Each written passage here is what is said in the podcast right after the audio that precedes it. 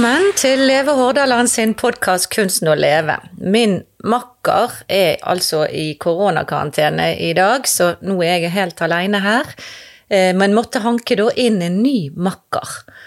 Og da tok jeg like godt eh, med meg min sønn Samuel Messi. Velkommen til deg, Samuel. Du, tusen takk. Da, I dag er jeg med eh, gjestemakker. Er det det? Gjestemakker, ja. Ja. Vi har ingen andre gjester. Nei. Men vi skal snakke om livet. Og jeg kjenner jo deg ganske godt, og du kjenner meg ganske godt. Du, fremdeles, du har vært med i vår podkast før, og du er fremdeles min sønn. Du er, har eh, vært på tur med bestefar og laget Samuel og bestefar. Så da lærte jo både du og han en god del om livet.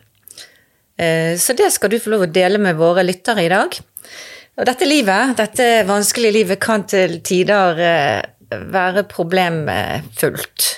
Men hvordan klarer vi å leve et godt liv til tross for at vi alle kommer med bagasje? Det, det skjer jo ting i alles liv. Vi mister noen, vi blir syke, vi har angst, depresjon, ensomhet. Alle disse tingene som gjør det vanskelig. Hvordan kan vi få til et godt liv? Ja. Det er jo kanskje det vi skal diskutere litt her, da. Ja. Og eh, vi har jo gode liv, vil jeg si, så vi er jo inn- innpå noe. Mm. Men hadde vi hatt eh, the million dollar svar på dette her, så hadde vi vel eh, vært eh, langt rikere, holdt jeg på å si.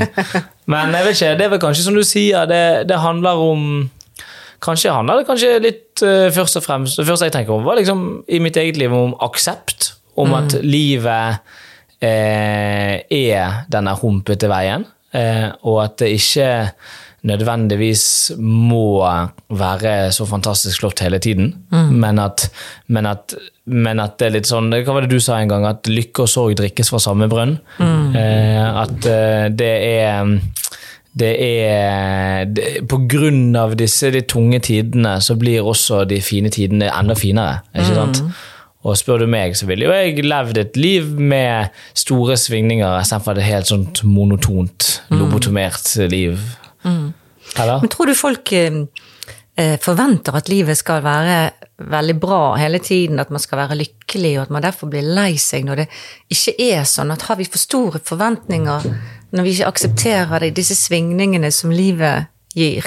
Ja, vi, altså vi, vi lever jo veldig fjongt, da. Altså, vi har jo det vi, jeg, jeg tror nok, altså, sånn som Når jeg snakker med bestefar, da, så er jo han Han kommer fra en helt annen hverdag. ikke sant? Det hvor han måtte jobbe langt mer, og det var, det var hardere kår, og, og, og liksom Det var mer Altså, De levde jo godt, de òg, men det var jo mer overlevelse kontra hvordan vi har det den dag i dag, da, hvis man skal sammenligne det sånn.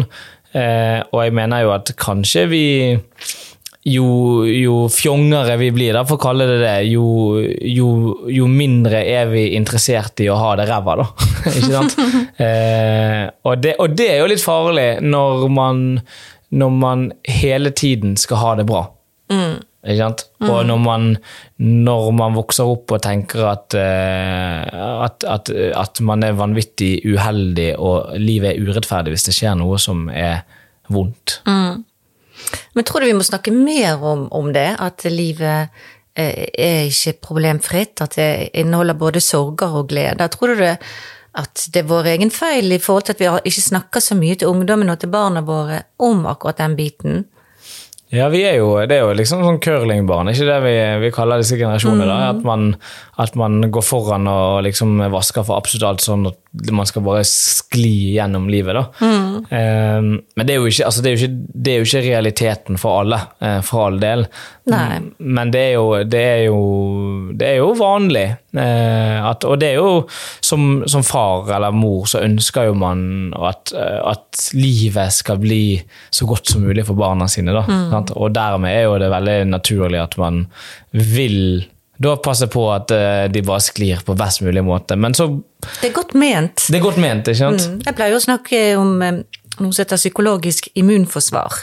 At alt, eh, alle disse vanskelige tingene i livet, frykt og angst og ensomhet og sorg, det er det som gjør at du vokser som menneske. Sånn at for at du skal på en måte bli sterk og bli herdet og få det som vi kaller resiliens, altså motstandskraft, så må vi utsettes for en del av de tingene. Det er akkurat som når du skal trene musklene dine, så må du, må du gjøre litt vondt for at du skal bli fysisk sterk. Det er akkurat det samme. Mm. Men når man har trent det, så får jo man den der eh, lykkefølelsen, da. Ja. Etter den vondten. Sant? Når du s- spaserer opp på et fjell og du har vondt og du hater Det koster. Ja, det koster deg, og så kommer du opp der, og da er det sånn da er jo, for det første, Der er jo den ren fysiologiske effekten av at, at når du bruker musklene sånn, så, så produseres det også endorfiner, som gir deg lykke. Men i tillegg så kommer jo denne mestringsfølelsen og at du liksom klapper deg på ryggen, at du har greid det.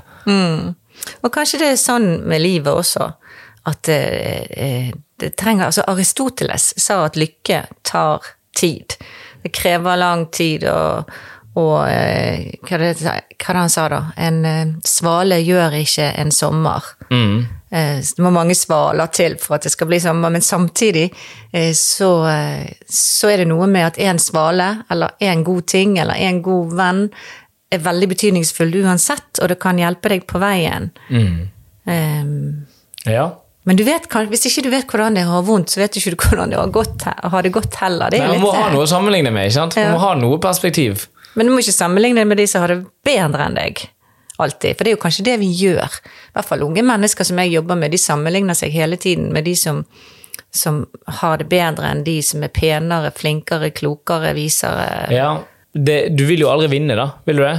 At Det vil alltid være noen som er hakket bedre enn deg på et eller annet. Mm. Det kan være at du er flinkest i verden på på én ting, men jeg lover deg det at med en gang du er blitt best i det, så begynner du å sammenligne deg med, med, med alle de andre som er flinkere enn deg på noe annet. Jeg er litt frekk, da, for jeg sier at du skal sammenligne deg med de som du syns er dårligere enn deg. For da får får du en bedre følelse. For det er jo også veldig mange som, eh, som eh, ikke klarer seg like godt som deg også, da. Ja, ja, men jeg tenker det, det skal jo, man, man skal jo streve etter ting. Sant? Man skal jo eh, prøve å utvikle seg sjøl og, og bli et bedre menneske. Det, altså, jeg, jeg i hvert fall finner veldig mye mening i livet om det. da. Og eh, Du snakker om Aristoteles. Han har jo, snakket, han har jo studert lykke veldig altså Han, han eh, har jo delt opp i noe som heter eudaimonia og hedonia. ikke sant? Hvor hedonia er den der eh, kortvarige lykken som man får av å spise seg en sjokolade, eller man får av å kjøpe seg nye klær? Så, eller, eller hva det enn skal være. Den, den kortvarige, som gjerne er mer sånn materialistisk som man knytter det opp mot. da. Eh, men så er eudaimonia, som man kaller det, er jo, er jo den mer strevsomme lykken, hvor eh, altså det er den som gjerne er meningen. Der eh, du gjør ting over lengre tid som faktisk koster deg noe. Eh, som er f.eks. trening, når du gang etter gang greier å gå på den joggeturen, eller at du eh, får barn og ikke gir de opp, eller driver et langt jobbprosjekt, eller hva det enn skal være. Altså, eh, ting man, som, som koster deg noe, men som allikevel er, føles veldig riktig. Da. Og det, det mener jo han at ja, greit, man trenger eh, både og. Eh, men, men det viktigste er jo kanskje å ha en litt sånn mening i det du gjør, da. Det er jo en filosof som heter eh, Einar Bøhn, som sa akkurat det samme. Han sa at lykke er egentlig litt uinteressant, og det har han også erfaring med i sitt liv. At for han er det, er det viktigere med å finne en mening i livet, for det er meningen som gjør at du Altså, det er det som er poenget med å fortsette å leve, da. Det er, poeng, det, er det som gjør at du har lyst til å fortsette å, leve, og som holder deg i livet. Mm. Ja, for jeg tror at hvis du sier du heter Ellen Musk, da. Du eier Tesla, du driver og sender folk til uh, ute i verdensrommet, og du har store prosjekter da, og er vel eh, blant verdens tre, tre, tredje rikeste, eller første rikeste, jeg vet, da søren, jeg er i hvert fall ganske på toppen der. Jeg tror ikke jeg tror ikke, altså når Man kommer opp, altså man vil jo tenke at han er så vanvittig lykkelig, sant? men jeg tror nok eh, det er nok ikke altså Jeg tror nok det er meningen som driver han, eh, og ikke nødvendigvis den lykkefølelsen. ikke sant? Så, så jeg, jeg tror jo definitivt altså, Så kan man spørre seg hva er meningen med livet. ikke sant? Eh, og det tror jeg, jeg tror alle spør seg noen ganger i løpet av et år. Kan du da- svare på det? Hva er meningen med livet? Ja, kort. Ja, jeg mener jo at meningen med livet er å ha en mening, da. Ikke sant? Rett og slett. Kort og konsist. Eh, er å gjøre noe som er meningsfylt for deg. Eh, Bestefar sier jo litt om å ha interesser og engasjement. Han har jo veldig mye engasjement. For å være 85 år så Han bobler jo over av og til. Ja. Det holder han i live. Mm, men hvordan finner man det engasjementet? da? Altså hvis man er, sånn at Dette er jo Leve sin podkast, og, og, og hvordan er det man finner det engasjementet hvis man er ordentlig på reservetanken, da, kan man si? Ja, det er det. Og det, det er jo det jeg ville gjerne spørre deg om. Ja. Ja, de som, det er jo ikke bare det, men altså når, du, når du opplever store tap i livet, som mange av våre lyttere har De har mistet det kjæreste de, de eier, holdt jeg på å si, eller de som de er mest glad i i livet, kanskje. Hvordan kommer du deg opp igjen? Hvordan finner du en mening etter store tap og store kriser i livet? Ja, ja det er et stort spørsmål. Det, er- altså, jeg, jeg, kan jo bare svare for min egen del. Da? Jeg tror nok alle beveger seg videre på, på sett og på, på sin egen måte, men, men for min del så var jo det kanskje eh, altså Når jeg var ute og seilte, så mistet jeg tre kamerater. Eh, og det var jo definitivt sjokk for min del, men eh, jeg kjente vel etter litt sånn hva jeg hadde behov for, da. Eh, og i starten så hadde jeg veldig behov for å isolere meg, og bare liksom være i sorgen. Eh, mens det viktigste når man isolerer seg, er jo på en måte å bryte isolasjonen.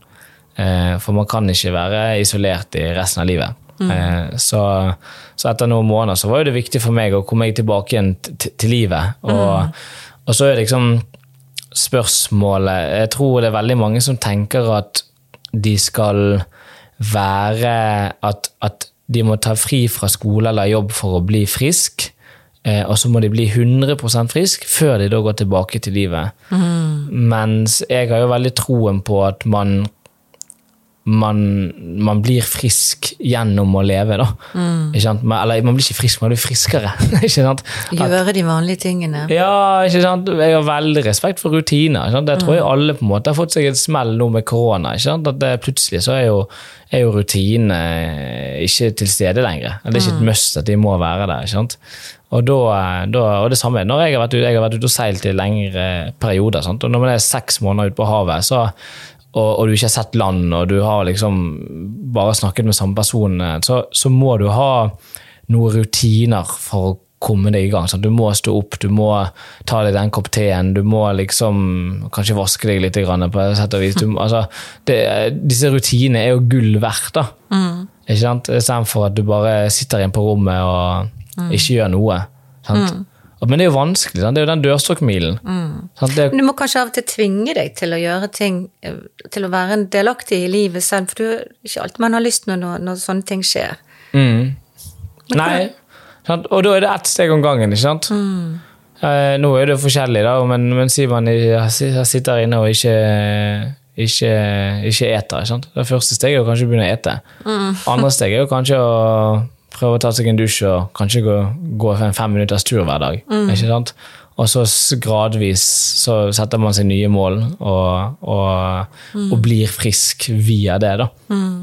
Så, så det jeg har veldig troen på at man, at man eh, blir frisk gjennom å leve, eh, og ikke at man må bli frisk før man skal leve. Men hva har eh, dine relasjoner, altså bestefar, meg, dine altså familie, venner, hva, hva har de betydd når, når du var eh, i sorg, og når du mistet dine kamerater?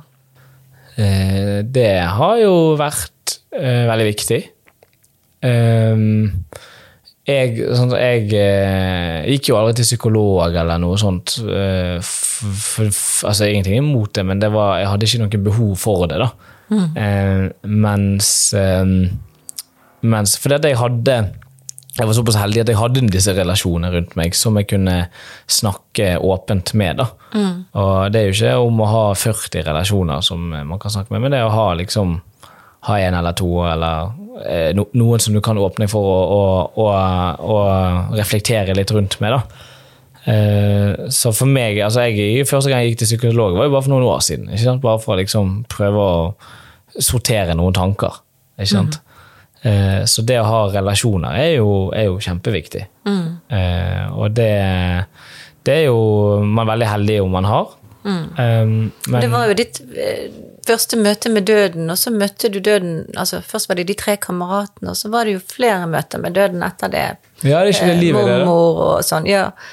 Men sånn som jeg husker det, så søkte du jo ut til bestefar, som hadde levd et langt liv og kunne litt om livet og døden. Ja. Ja da, jeg, fant jo mye, mye mening i å snakke med en kar som sjøl var på siste del av livet, som, som er på vei til å møte døden. Uansett hvordan man snur og vender det, så er jo han, er jo han gammel og skal dø i løpet av mest sannsynlig lenge før meg. da. Eh, så jeg, eh, jo, jeg, jeg, jeg er jo kanskje veldig opptatt av døden. Liksom, veldig rart opptatt. av- Jeg, jeg finner mye mening i livet rundt døden. da. Eh, og det er jo liksom nå, noe vi er så flinke til å sitere folk, men det var jo det Herkules også, at gudene misunner oss fordi at det, vi, vi lever her på en begrenset tid. Ikke sant? Og hadde livet vært en uendelig lang reise, så hadde jo liksom, hadde ikke vært mening i det. ikke sant? Men av at det er såpass begrenset tid man lever, så blir jo man Jeg kjenner i hvert fall blir litt sånn motivert og, og til å liksom prøve å få mest mulig ut av det. da. Og mest mulig ut av det vil jo ikke si at alt skal være rosenrødt og skal ha det fint hele tiden. Sant? Det, er jo, det er å oppleve alle aspekter ved det, og det er jo sorg og det er tristhet. og det er, men, men det viktigste for min del er vel kanskje at min identitet ligger i det gode. da. Ikke sant? Eh, At jeg prøver å vite at ok, greit, jeg, at jeg har det vondt nå, men jeg skal opp og ha det bra. For det er der, det er der jeg er. Det er der min identitet ligger. Mm. Å ha det bra. Men at det er en bølgedaler. bølgedal. Så egentlig så tenker du at livet blir mer meningsfullt og mer levende av at man anerkjenner at man skal dø. Ja. ja, men vi vil ikke dø nå. Nei. Ikke sant? Og, og, jeg, og det er jo det er veldig lett for å kanskje tenke at det er liksom å være på joggetur. ikke sant? At, det, at, at man, det hadde vært digg å bare gitt opp. ikke sant? Men den der følelsen av å bare holde ut er, jo, er jo veldig eh, givende.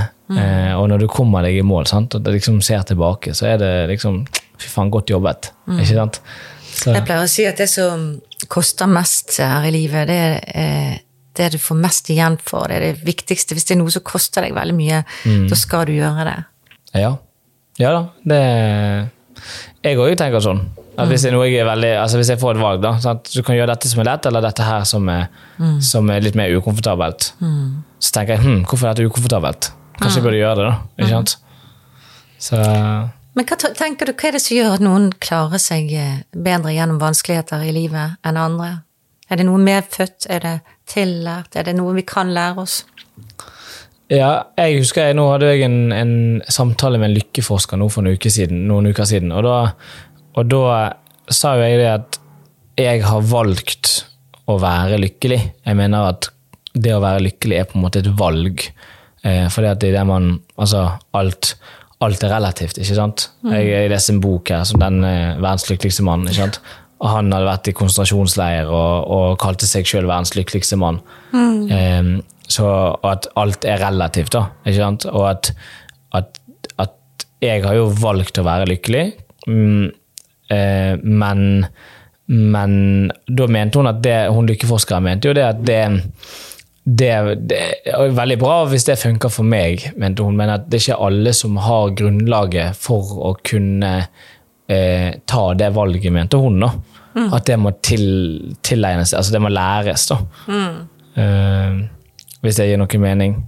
Mm, jeg er jo veldig glad i Antonovskij.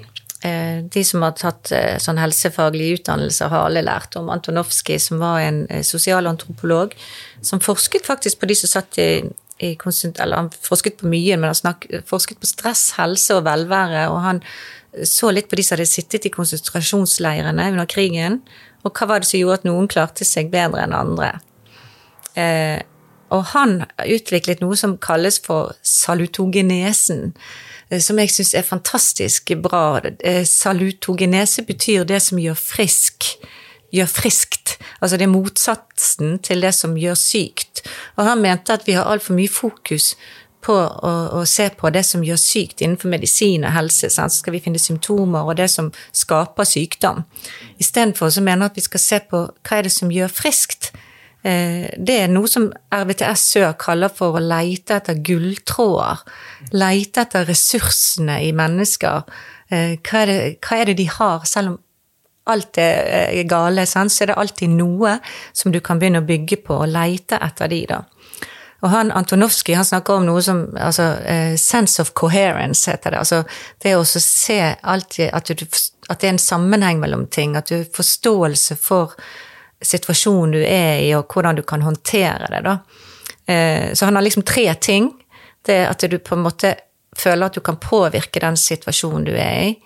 At du forstår, eller kan forklare den situasjonen du er i. Og uh, den siste tingen, hva var det da? Jeg har det her. Siste tingen, ja, det er eh, at det er overkommelig for deg. At du, at du, klarer å se et håp om at du skal klare å håndtere det. Eh, han hadde ikke noe sånn klart og entydig svar, egentlig, men det var disse tingene han fant ut skilte seg fra de som klarte seg bedre enn de som ikke klarte seg så bra. Mm. Ja. Og da er jo det store spørsmålet, da nå eh, ser jeg at du har tenkt å avslutte her, men men det er jo Når skal man gjøre denne endringen? Når skal man begynne å ta disse takene? For jeg tror nok alle kjenner at i, i livet sitt at okay, det er noen ting jeg har lyst til å jobbe litt med, men det er noen ting jeg har lyst til å liksom Fuck at den heller, når skal jeg gjøre det? Når skal jeg gjøre det? Mm. Eh, så da er det liksom det store spørsmålet når skal du faktisk begynne med det? Mm. Eh, og, og, mange vil jo kanskje si at nei, det er for seint, ikke sant? Men jeg mener jo at sånn som vi ser på bestefar, sant, som har endret livet sitt etter han fylte 80 år. Mm. Da er det aldri for seint. Hvis ikke det er for seint for han, så er det i hvert fall ikke for seint for alle oss yngre. i hvert fall. Han har jo fått tre jobber etter han var 80. Ja, det er vilt. ikke? så, så, sånn sett så mener jeg at det er, det, at det er håp for alle. da, og, og, og begi seg ut på den endringsekspedisjonen, kan man kalle det. Mm. Kanskje vi skal prøve å leve litt mer sant, altså leve litt mer ekte, og snakke mer sant også om hvordan livene våre er.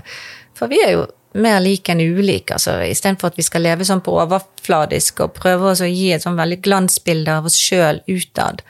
Eh, eller leve opp til alle forventningene som samfunnet og alle andre har til oss. Som bestefar sier han har gjort hele sitt liv. Nå sier han at han ikke gjør det lenger. At han tør å være litt mer seg sjøl. Det er det som er nøkkelen. Eller kunsten. Hvis ikke du greier å være deg sjøl, hvem skal du da være? Ikke sant? Ja, det som det, jeg pleier å si, at da er det jo Du har mest suksess. Det sa jeg til dere da dere var små. Som, hvis du klarer å være deg sjøl, så har du mest suksess her i livet. Ellers vil du bare altså Hvis du er en god skuespiller, så kan du klare å være en annen, eller kopiere mm. en annen. Men den beste suksessen har du bare med å være deg sjøl følge ditt eget hjerte og være den du har lyst til å være. Mm. Skal vi si at det var avsluttende ord? Har du noe glupt å si til slutt? Nei, jeg er helt enig.